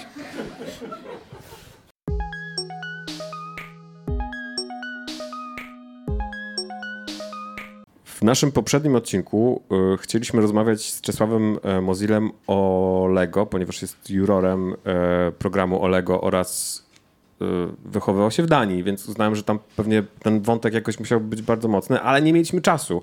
I tak się dobrze składa, że ty również y, jesteś afolem, mogę tak powiedzieć? Jesteś, czujesz się afolem? Identyfikujesz Tak. się jako afol? Identyfikuje się jako afol, tak. Co oznacza słowo afol? To jesteś jak Kidult? No Kidult to Czekaj, dziecko. bo ty, y, ja- ja mam pytanie jest- do, do dwóch panów tutaj. On już wiemy, że jakby je dekoracyjny i teraz nie wie czemu, co to jest afol. Co robi tutaj ten człowiek? Boomer! A Zaprosiliśmy go, bo ma tego kota, no. Tak, ma, ko- ma, ma trzy koty. I to Jadę na kotach e, e, od wielu lat. E, E, AFOL to jest skrót od e, Adult Fan, fan of Lego. No to blisko Kidulta. Tak. E, Czyli od, chodzi o dorosłe osoby, które nie wyrosły z Lego. Ja się zaliczam do tego i po prostu co roku, co roku mówię Super, na kolego. grupach, na grupach rodzinnych, że o fajnie, że się zrzucacie na Millennium Falcona, bo ja chcę tego Millennium Falcona y, największego, y, numer 7 tam coś tam, który ma y, 7 tysięcy kawałków i kosztuje 3,5 tysiąca złotych, tylko mi jest głupio wydać tyle pieniędzy na klocki, więc chcę, żeby rodzina się zrzuciła i mi to kupiła. Bo jednak ja bym sobie nie wybaczył wyda, wyda, jednak wydać takie pieniądze na klocki, ale bardzo chętnie dostałbym tak drogie klocki. To do państwa chyba sugestia, nie wiem, no tak. Będzie zrzutka.pl, na Polak potrafi zrzutka na klocki dla mnie. No to chciałbym was zapytać o wasze ulubione wspomnienia z Lego, wasze ulubione zestawy, a być może ulubiony klocek. Może macie jakiś sposób łączenia, nie wiem, wiecie, b- Brick 3 na 2 na przykład jest waszym podstawowym budulcem, albo może macie jakieś techniki, albo minifigurkę, albo... E, Bardzo dużo. e, może zaczniemy od gościa. Ja też w sumie bardzo dużo, aczkolwiek to też jest moja codzienna trudność, bo ja mam teraz bardzo dużo klocków, bo faktycznie jak y, mam pieniądze, to wydaję na klocki. Ostatnio też trochę podostawałem i nie mam czasu ich układać i to jest y, ogromna trudność. Y, na szczęście okazuje się, że mam dużą szafę, ale okazuje się też, że nie jest aż tak duża, jak mi się wydawało. Y, ale z ulubionych klocków w tym momencie to jest chyba maszyna do pisania, bo ona w ogóle działa, poza tym, że nie pisze, ale działa. Czyli tak nie do końca działa, ale trochę działa. E, I y, ona jest super i klocki z... Bardzo lubię klocki z, y, ze Star Warsów również. E, A moim takim... Ja sobie trochę też rekompensuję, bo jako dzieciak nie miałem zbyt dużo tych klocków poza klockami po starszym rodzeństwie. E, Dostałem tak naprawdę mm, jeden duży zestaw w, w życiu jako dzieciak i pamiętam, że to było Lego Football, takie boisko, gdzie dało się grać. A ja I- tego nie dostałem, a chciałem. Ciekawe też, że to był ten sam egzemplarz, który akurat dostał Maciej i już twoi rodzice. Tak, i- tak. Ale zrobimy zrzutkę na tego Millennium Falcona. Dziękuję bardzo. On jest na tyle duży, że tam małe boisko też się da jakoś y, dosztukować. Y, I y, uwielbiałem ten zestaw, naprawdę. Spędziłem z nim mnóstwo czasu. Po czym poszedłem na studia. I to jest taki czas, kiedy y, nie ma się pieniędzy, bardziej niż zwykle. Y, I y, miałem kolegę zapalonego Afola również. I on mi powiedział, że w ogóle te klocki Lego Football, to one w tym momencie na eBayu to chodzą po jakieś gigantyczne pieniądze. Ja tam wszedłem i faktycznie kilkaset funtów to kosztowało. No i ym, odezwałem się do mojej matki i okazało się, że moja matka no, dwie godziny po tym, jak wyszedłem z domu na studia, rozdała to do sąsiadom. Więc... Em, mieszasz klocki? To trzeba z tym uważać. Maciek już, już sami będziemy rozmawiać, dobra? Bo... Nie, serio. Mieszasz? W sensie trzymasz zestawy oddzielnie, czy... Tak, trzymam zestawy oddzielnie. A, teraz sobie nawet mam zamiar kupić taką witrynę na maszynę do pisania, żeby mi się nie kurzyła. Nie widzę zrozumienia w twoich oczach, Grzegorz. Ja powiedziałem z takim, tylko nie chciałem powiedzieć to głośno do mikrofonu, powiedziałem takie och. Nie, bo ja muszę ja, Państwu ja powiedzieć, że ja mam, to rozumiem ja i mam mnie to, to, to jest imponujące. wielką, e, wielkie szczęście, że moi przyjaciele z Klącyka od pięciu lat co roku na urodziny dają mi zestaw Kurde, Lego. super, że masz takich przyjaciół, którzy ci kupują zestawy Lego na urodziny. Naprawdę jest to wielkie Ale moje... szczęście, nie? Gdybym ja miał Co dostałeś ostatnio? A mam takich samych! Nie dostaję tego Lego. A nie, też dostaję super prezenty. Na ostatnie, na ostatnie dostałem ym, dom z odlotu. Yy, po delikatnej. Znaczy, na szczęście jest tak, że jest tam taka pewna. Jest pewna droga komunikacji między moją partnerką a grupą oraz między mną a moją partnerką, więc ona generalnie. To ważne, że to też Oraz jest. między tobą a grupą. Tak, i jakby potrafię nakierować to w odpowiedni sposób, wiedząc, że zbliżają się moje urodziny. Yy, Ale pierwsze były chyba niespodziankowe, ten garbus. Chyba czy- tak, chyba tak. Bardzo dziękuję wszystkim moim kolegom, którzy się Statek składają. A kiedyś. muszą Państwo wiedzieć, że nie wszyscy teraz składają się w grupie na nasze, nasze urodzinowe prezenty. Jeden z naszych kolegów postanowił w, w zeszłym roku y, za, zaanonsował nam, że nie będzie już się składał na On nie urodzinowe prezenty, bo nie czuje tego. Nie. E, więc dochodzi do bardzo, kto jest. Tak. jest to bardzo e, sytuacja taka... Nie, to nie jest To Grzegorz. nie ja, to nie Grzegorz. ja. Nie, nie, To nie ja, Grzegorz. przepraszam, To nie mnie, po prostu, Grzegorz. mnie po prostu bawiło, bawiła cała ta To nie sytuacja. Grzegorz, to nie Grzegorz, Oraz krępowała, ale nie, to nie ja, Ponieważ ja najczęściej składam. wręczamy sobie te prezenty po spektaklu e, w garderobie.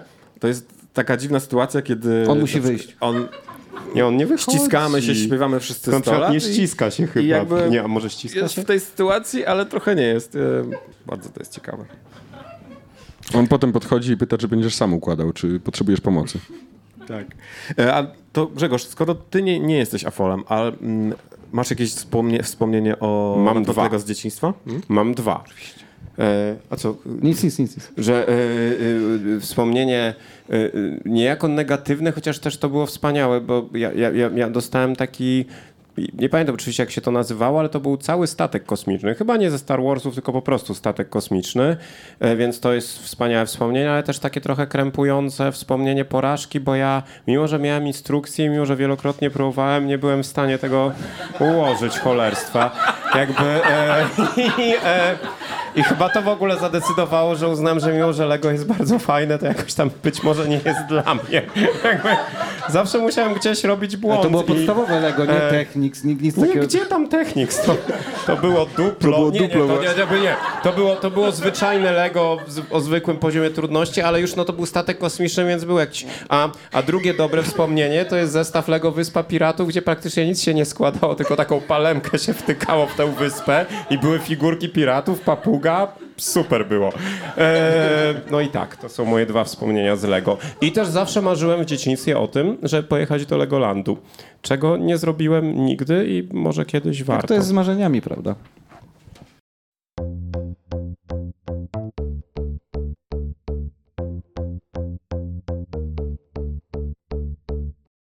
Jak e, słyszałeś, jak Państwo słyszeli, my bardzo lubimy mówić o sobie, przede wszystkim w tym podcaście, więc e, e, wprowadziliśmy do punktu, stałe, jako stały punkt programu pytanie od gościa do nas i to jest ten moment. A to jest y, pytanie, które właściwie będzie pozostawać w pewnym związku z czymś, o czym już mówiłem. To znaczy, chciałem zapytać, czy wy się czujecie dorośli?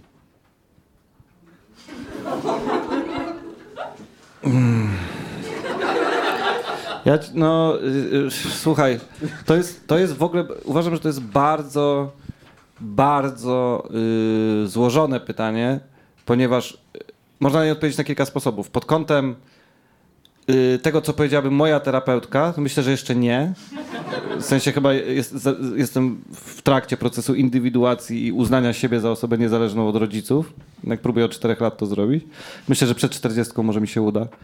Niedługo, więc w tym sensie chyba nie jestem dorosły. Nie jestem dorosły, kiedy próbuję przyłożyć do siebie dorosłe elementy, no bo mam ich kilka. No mam żonę, mam mieszkanie własne, nie mam dzieci, to już mnie jest mniej dorosły, nie mam prawa jazdy, więc jakby to się wychodzi na zero. Mam część dorosłych atrybutów i część niedorosłych atrybutów. E, więc ty, pod tymi względami nie czuję się dorosły, natomiast y, czuję się dorosły pod takim względem, że ja nie sądzę, że to się jakoś bardzo zmienia. W sensie chyba jest tak, że myślisz bardzo długo, że coś będziesz robił, jak będziesz dorosły i nagle się orientujesz, że masz 38 lat i od 15 lat uprawiasz jakiś zawód i chyba już to będzie to, nie? Jakby, że chyba już, że chyba to już trwa od jakiegoś czasu i tak y, w pewnym momencie możesz tak, o kurde, umieram, to gdzie była to dorosłość? Więc, więc w tym sensie... mm, Najbardziej się czuję dorosły chyba w tym, y, w tym, że y, lubię siebie teraz bardziej niż jak byłem młodszy i, i że uważam, że jestem dojrza, doj, dojrzały, o, może tak. A czy dorosły? Co to znaczy w ogóle?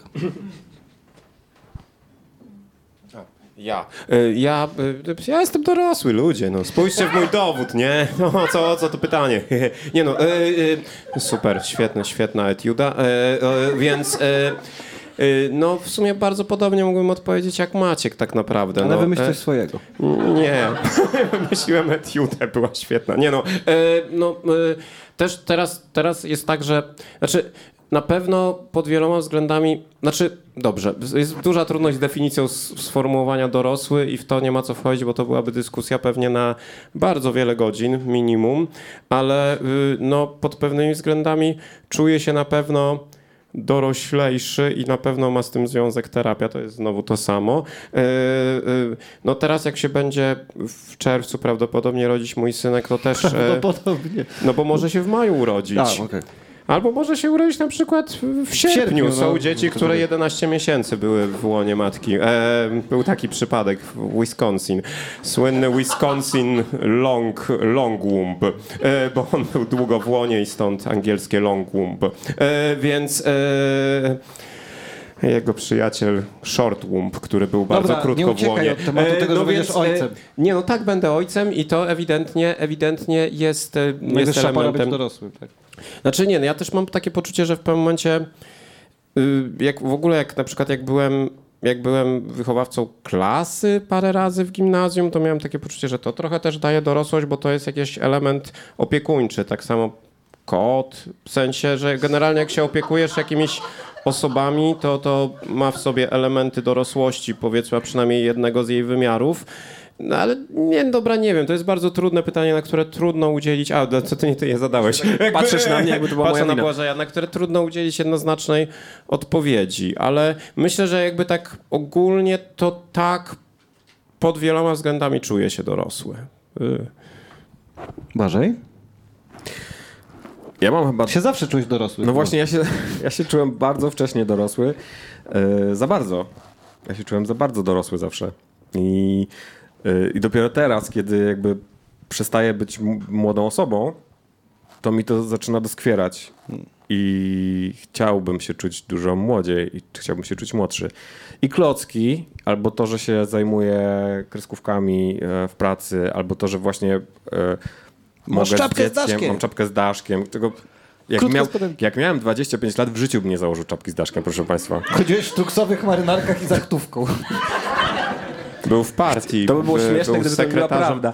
E, może be- nie, nie w aktówce, ale rzeczywiście im jestem starszy, tym e, bardziej się ubieram jak ten Steve Buscemi z Mema. I to jest e, desperacja, która jest dosyć przykra coraz bardziej z każdym dniem. Mm, więc ja bym się chciał czuć... Ja żałuję, że się czułem dorosły wcześniej, a teraz bym się chciał czuć młodziej, a już nie jest ten czas po prostu. Ale ja bym chciał zaprotestować przeciwko temu, że jest jakiś obiektywny styl ubierania dla starych ludzi albo młodych. Właśnie jak ja widzę na przykład starszego mężczyznę, który ma nie wiem, 70 lat i ma po prostu do, u, u, dobry t-shirt w dobrym kroju i jeansy i wygląda zajebiście. Dlaczego? Czy on musi mieć sweterek i kurde jakieś spodnie od garnituru i kurde buty? Nie, właśnie nie musi się udziadziać. A z kolei są ludzie dwudziestoparoletni, którzy się ubierają jak dziadki i okej, jakby to też jest ich... Ja nie, nie zamierzam jakby tak, o kurde, już ten wiek, że muszę po prostu wymienić kurde swoją garderobę na starą. Jakby nie, nie zamierzam tego robić. I to jest tak samo, tak samo jak ludzie mówią, o Jezu, masz tatuaże, jak ty będziesz wyglądać na starość? Mówię, zajebiście, będę wyglądał zajebisty stary facet. Jakby co... Że jakby też ja ludzie się myślę, że- umawiają, że muszę się już zacząć ubierać jakoś, bo jestem stary. To jest bzdura. Naj, najbardziej przykre są te sytuacje, kiedy rzeczywiście ludzie w takich sytuacjach e, miejskich zwracają się do, do was na per pan po raz, po raz pierwszy, drugi, trzeci. A mnie E, o dowód pani spytała parę dni temu. I miałem takie, że się prawie popłakałem i ją uściskałem. Było super. To ja się nostalgicznie zrobiło. Tak. Tak, tak, aż tak westchnąłem. Taki cień śmierci pojawił się. nagle. Czy jesteś usatysfa- usatysfakcjonowany naszymi odpowiedziami? Tak. A może ty odpowiesz na swoje pytanie? Ja odrobinę odpowiadałem. Ja się zacząłem czuć stary w tym momencie, a w dalszym ciągu nie, y, nie czuję, żebym skończył proces dorastania. Nie wiem, czy to się... Taki Benjamin Button. Dzie- pomarszczone starcze dziecko. Ja to rozumiem. Ja to rozumiem. I były chyba takie momenty w moim życiu, kiedy czułem się bardziej dorosły niż się czuję teraz. Ale też mam takie poczucie, miałem takie poczucie, że osiąga się kolejne rzeczy i to są te momenty, y, odhaczasz coś z listy i moment, w którym powinieneś czuć się bardziej dorosły, tak? Zdajesz maturę, ko- kończysz studia, dostajesz pierwszą poważną pracę, dostajesz, nie wiem, awans, właśnie mm, kupujesz mieszkanie, mm, robisz sobie dziecko albo kota. Nie, że robisz, tylko Można w też laboratorium sobie. Tak, albo takiego z origami na przykład. No, ale odhaczanie tych punktów jakby nie, nie wprowadzało tego poczucia. Znaczy dla mnie najważniejsze jest to w tym procesie, że niezależnie od tego, jak się robię dorosły, to nie przychodzi mi ochota na głupoty. W sensie na przykład na mówienie bardzo złych żartów. Uważam, że to jest kluczowa sprawa, bo jak ja przestanę to robić, to poczuję, że nie ma sensu żyć. W sensie, jeżeli ja mam tyle lat, ile mam, ale jestem w stanie śpiewać jakąś durną piosenkę do mojej żony, powiedzieć jakiś okropny żart, to jest okej. To w tym, w tym wymiarze to dziecko, potrzebne dziecko jest zachowane. Bo oczywiście, że trzeba stać się dorosłym, ale trzeba zachować tą odpowiednią ilość dziecka. Ja myślę, że to, co nas... Co się e, śmiejesz? To, To, co nas, nas ko- Śmieję się z ciebie, po prostu bardzo śmieszy wizja y, takiego odpowiednika Frankensteina tylko z kotem, że byłby stworzony. Już dawno byłby jesteśmy w stworzony, temacie. Wiem, a mnie to cały czas śmieszy, że byłby taki kot Frank, taki i on by Przepraszam. Taki bardzo brzydki, pozlepiany Prawda jest taka, że to, że my się zajmujemy komedią i występujemy na scenie i robimy z siebie jednak błaznów, no, bardzo nas kotwiczy w takiej młodzieńczości jednak. I, i kiedy... Kabaret Otto też tak myślał bardzo długo. Właśnie chciałem o tym powiedzieć, że, młodzieńczy cały czas. że kiedy, kiedy zaczynaliśmy te 15 lat temu, to jakbym ja zobaczył improwizatora w moim wieku, to pomyślałbym sobie, że to jest jednak smutne. Niezależnie od tego, czy to byłoby wesołe to, co on robi, to to, że on to robi, byłoby smutne. A, Ja a ostatnio teraz optyka mi się nieco zmieniła. Ostatnio słyszałem od dwudziestolatka, że kurde, chciałbym być tak wyluzowany w twoim wieku. Więc Szanowni Państwo, na koniec tego odcinka tradycyjnie e, odrobina przyjacielskiej rywalizacji. Quiz! Quiz. E, szkoda, również- że zastąpimy ten jingle innym. I, Ja e, cały czas walczę. Jeszcze. Zgodnie z naszą tradycją, y, quizy często mają jakieś geograficzne inspiracje i dziś zmierzymy się w quizie o Knurowie, skąd pochodzi nasz gość. Tylko o Knurowie? I, i, Czyli mamy dużo Jest mniejsze e, szanse. inspirowany Knurowem, powiem. ja pewnie przegram i jeszcze bardziej mnie nie będą lubić w Knurowie. A już cię nie lubią w Knurowie? Ostatnio to usłyszałem, jak byłem w Gliwicach, gdzie chodziłem do, do Nie e, pokazuj się w. Knurowie. Mniej więcej, mniej więcej. E, pokazałem się, ale tak na 10 minut wbiegłem, wybiegłem, bo no lepiej nie kusić losu. Ale usłyszałem, że właśnie ponoć e, ludzi w Knurowie, pewnie nie wszystkich, ale część, w, mówiąc dyplomatycznie, wkurwia to, że ja tak śmieję się z Knurowa. Znaczy, ja się nie śmieję z Knurowa, ja się śmieję z siebie. A, znaczy, bo, mówmy się, to są dość proste żarty. Jestem polonistą z Knurowa. Jak wystarczy się schylić po te, po te żarty, nie? Można powiedzieć, że nawet schylanie się po nie jest wyrazem braku ambicji, ale ponownie jestem polonistą z Knurowa, nie muszę mieć ambicji. Więc ja się schylam po te rzeczy, ale okazuje się, że przez niektórych jest to odbierane źle. Więc przegram, będzie jeszcze zabawniej. Dzięki. Albo, Wygrasz. albo wygrasz i Albo wygr- Wygr- wygram wtedy knurowskie serca również. Dokładnie. I wjedziesz e, Na knurze triumfalnie. knurze do Knurowa.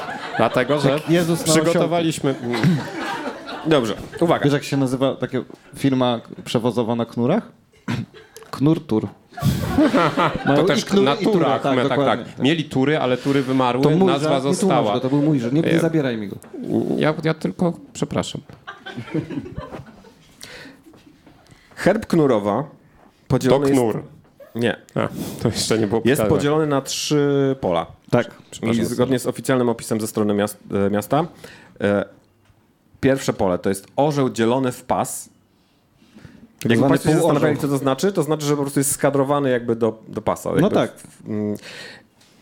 Drugie pole zajmuje wieża kopalniana, No a trzecie kosa i Sierp. Lemierz. Kilow. grabie. No tak, jak coś No, skosisz, to musisz zagrabić. Ja jestem z Jeleniej Góry, więc łatwiej, bo Masz po prostu jelenia na górze. dokładnie. E, Patronką Knurowa jest święta Barbara. No to wiadomo. To wiadomo, to wszyscy wiemy. A święta Barbara zmarła i urodziła się w Tym samym... A. W komedii. B. W nikom... Komedii? Daj mi przeczytać pytanie. A. W komedii. B. W nikomedii. 3C. Ani tu, ani tu. No zdziwiłem się, że jest taka nazwa miejscowości. Oczywiście w Nikomedii. Tak jest. Która jest gdzie? Leży gdzie? Obecnie? Na terenie Niemiec. Turcji. A. Przenieśli ją, Uskrzydlił cię sukces. bardzo dużo Turków wyemigrowało do Niemiec i zabrali ze sobą do, do Turcji tę miejscowość.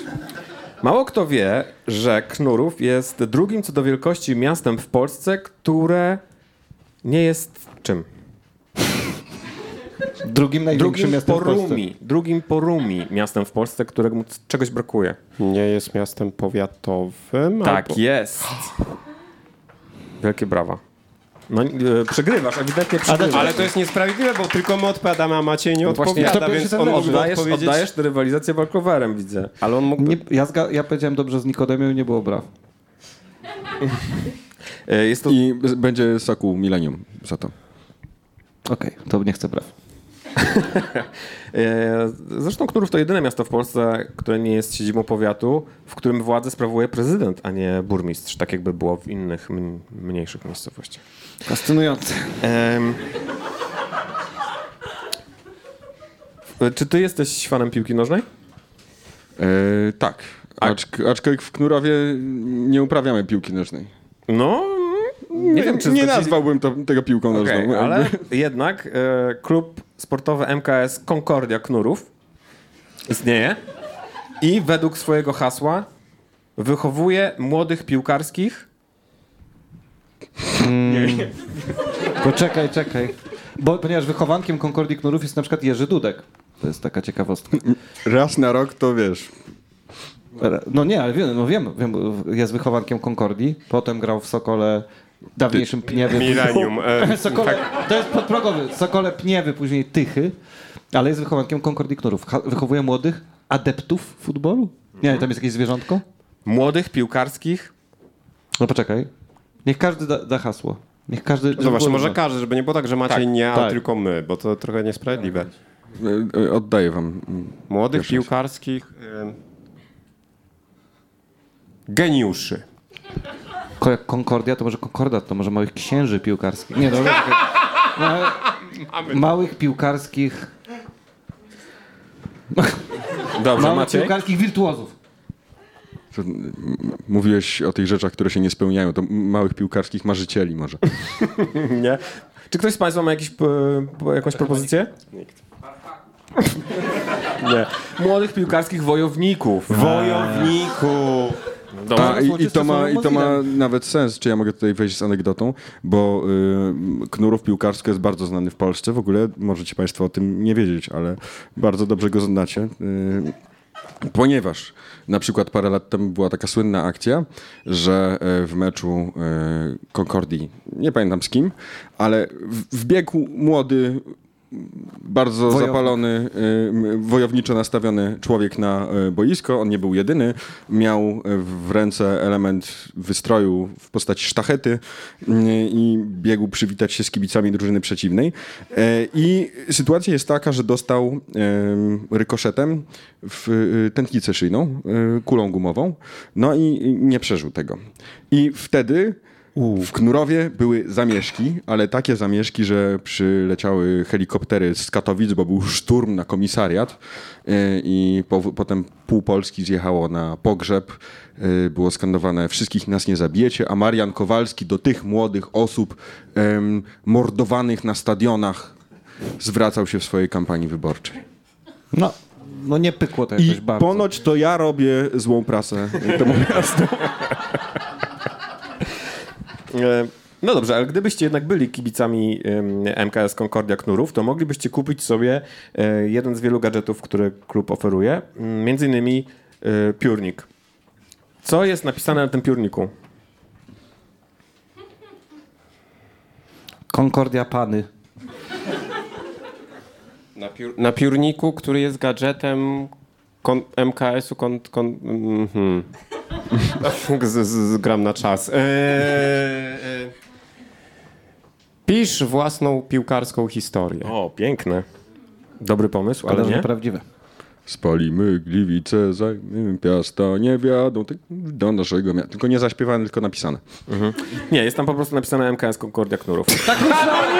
Chciałem, chciałem to powiedzieć, ale uznałem, że to będzie za słaby żart. Ale chciałem to, chciałem to powiedzieć jako żart. Mogliśmy mieć trzeci punkt. Dobrze, i na koniec. To jest jak, to jest jak zwycięskie hasło, które ogłosiła Olimpia Zambrów. Ogłosiła hasło Cudowne. zachęcające do pójścia na mecz i ogłosiła wyniki. Wygrał pan jakiś pan, y, autor hasła, zapraszam wszystkich na mecz. Ta anegdota pada trzeci raz w tym podcaście, ale za każdym razem Ale to śmieszy. jest wspaniała historia. E, ostatnie pytanie. Nie wiem, kto wygrywa, ale... To jest element e, starości opowiadającej Powiedzmy, że to jest pytanie za 100 punktów i więc masz szansę się jeszcze odbić, Maćku. Ile waży knur rasy wielkiej białej polskiej? Maksymalnie. Wielkiej białej polskiej rasy? Jest wielka biała polska rasa? Świnia, świnia wielka biała polska to jest rasa świń. Ile waży knur tej rasy? Maksymalnie. Nie, takie okropne. Wielka biała polska rasa. W jakiej kolejności odpowiadamy? Dowolnej. Kto A. pierwszy, ten lepszy. Maksymalnie ile Tak. waży? Półtorej tony. O, Nie. Ostro gram. 300 kilo. 300 kilo obstawiam. 500 no plus. 400, więc e, re- remis.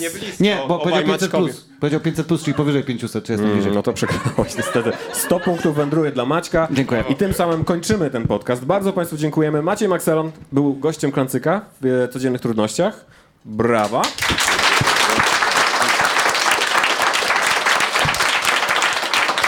Bardzo Państwu dziękujemy.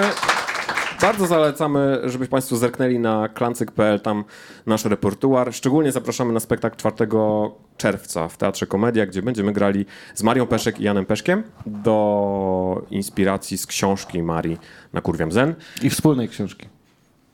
Y, Książki Marii, która jest rozmową z Janem chyba, zdaje się. Tak. I zerknijcie też Państwo pod krzesła, bo może tam czekać kupon z nagrodą. Jeżeli nikt nie spotka, znaczy że w tym tygodniu nikt nie trafił. Dziękujemy Państwu. jest prawda? Do usłyszenia. Dziękuję bardzo to również. żart. Jakby nie, nie, nie szukajcie. E, dziękujemy. Do widzenia. Dziękujemy bardzo. Do zobaczenia.